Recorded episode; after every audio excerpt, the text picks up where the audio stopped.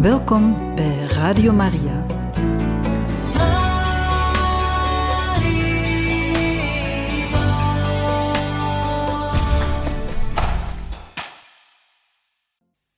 Van harte welkom, beste luisteraars van Radio Maria, bij het programma Catechismus. Vandaag kunnen wij luisteren naar een catechese over Onze Lieve Vrouw van Fatima. Deze wordt ons gegeven door Pater Jan Meus. We laten hem graag aan het woord.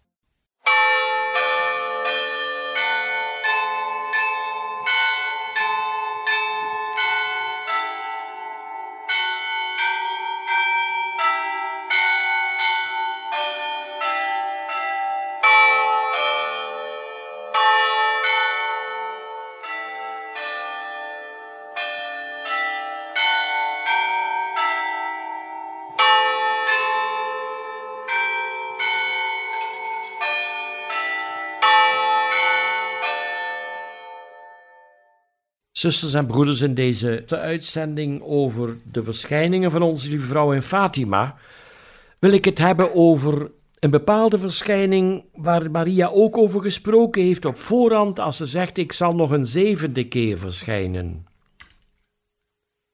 En hier kan ik aan toevoegen dat onze lieve vrouw, als zij dus antwoordt op de vragen van Lucia om Francesco en Jacinta naar de hemel te brengen, dat ze dat spoedig zal doen, maar dat Jezus wil dat Lucia nog een tijd op aarde blijft om de devotie tot omvlekt hart van Maria te verspreiden enzovoort.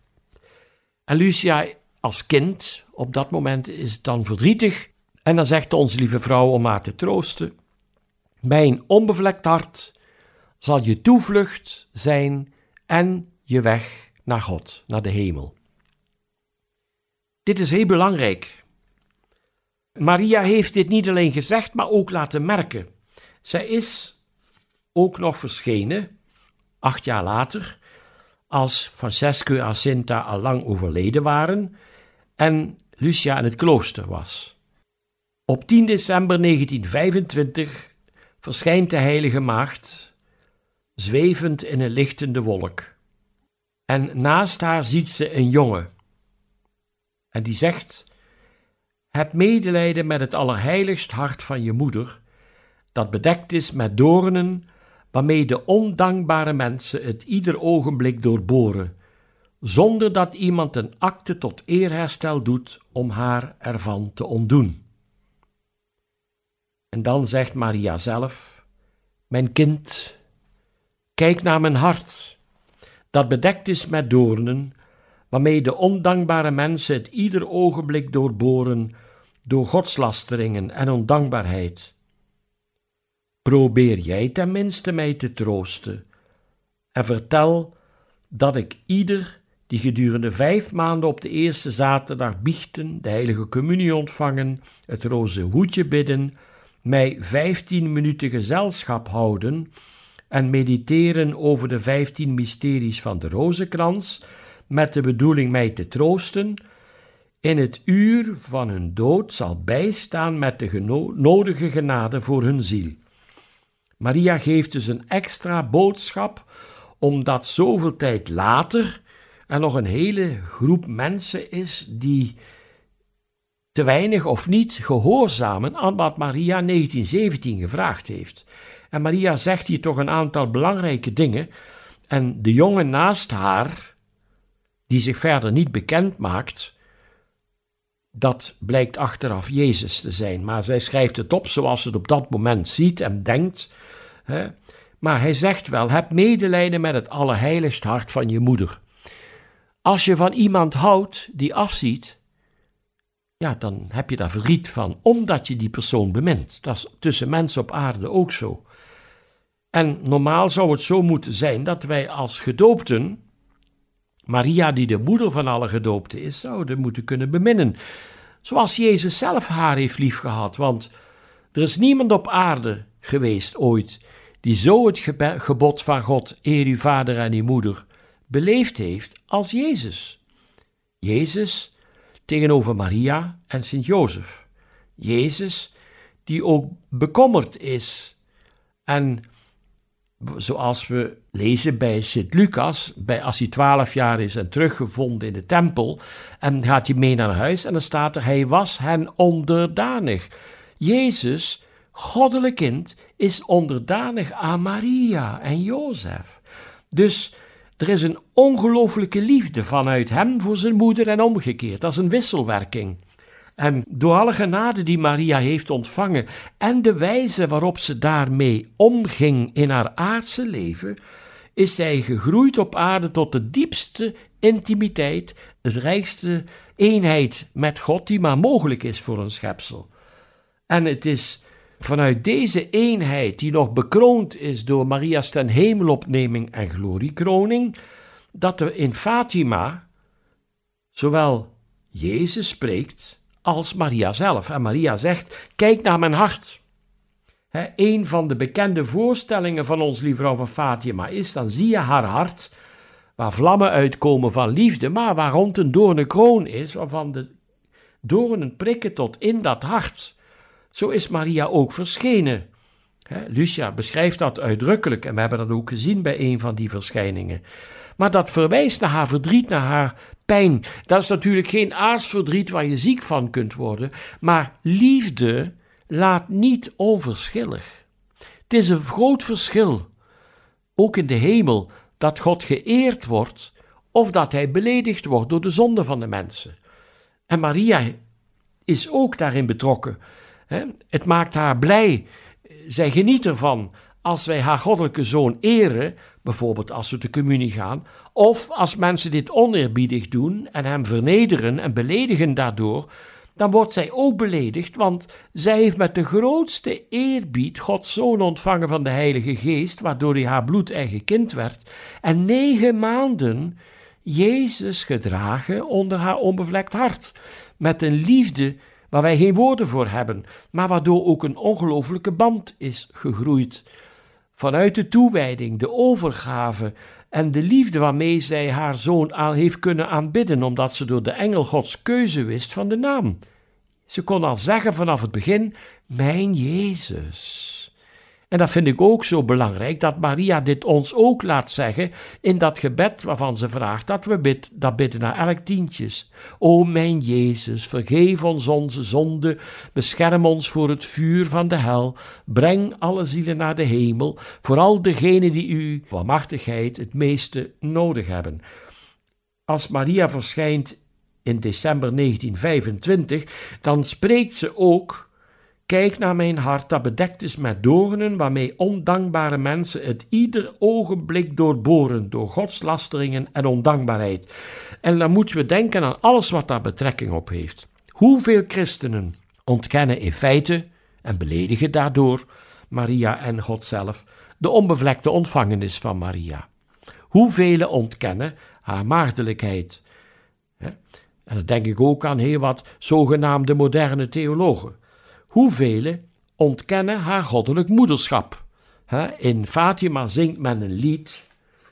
Ik heb hier de, de, titel uh, naast mij liggen. Ave ho Theotokos. En Theotokos is een Grieks woord en Theos is God.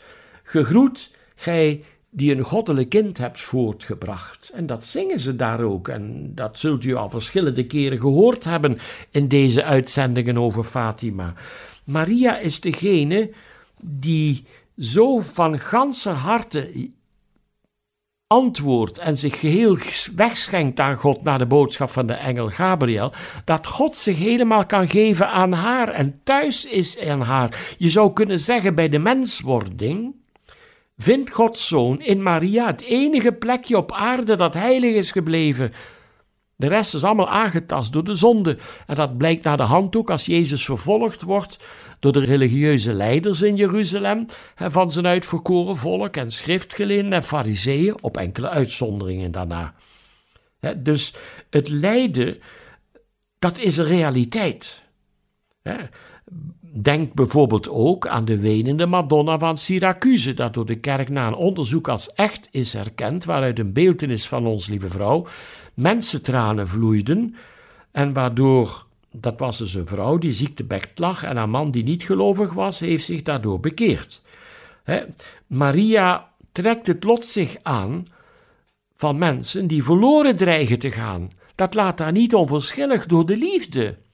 En dat is dus geen aardsverdriet van teleurgesteld zijn en gevoel en dit en dat. is een veel intenser verdriet, omdat Maria beseft wat dat betekent als je de heerlijkheid gaat missen waarin zij zelf is opgenomen en gekroond.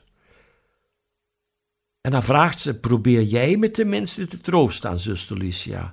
En vertel dat ik, ieder, die gedurende vijf maanden op de eerste zaterdag biechten, de heilige communie ontvangen, het roze hoedje bidden, mij vijftien minuten gezelschap houden en mediteren over de mysteries van de rozenkrans met de bedoeling mij te troosten, vertel hen dat ik die in het uur van hun dood zal bijstaan met de nodige genade voor hun ziel. Dus dan ga je sterven op een manier die blij maakt, geholpen door Maria.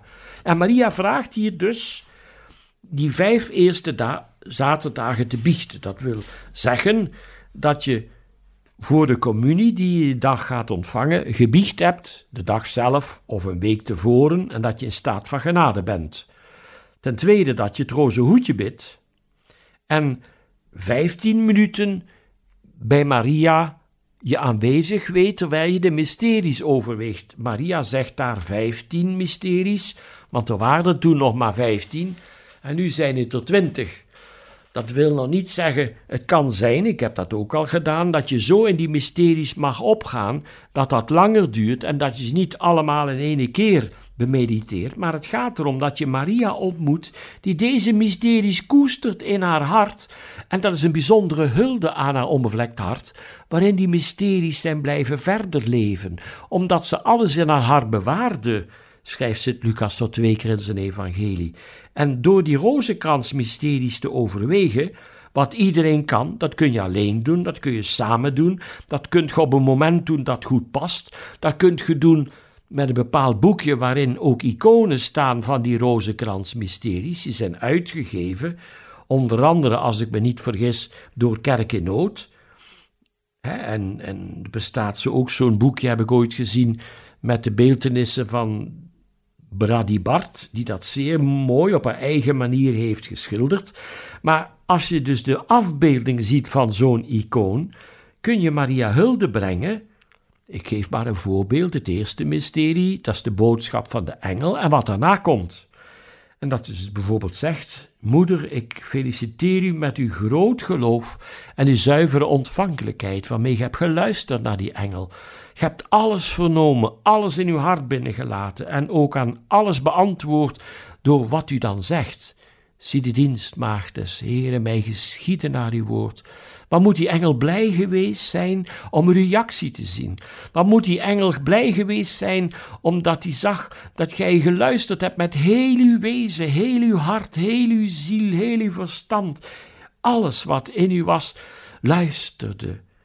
Heel uw ziel naar wat die engel vanuit God u meedeelde. En dat u ook de gloed hebt ontvangen waarmee de engel sprak. En de liefde waarmee die sprak. En het verlangen van God hebt mee binnengelaten naar uw antwoord.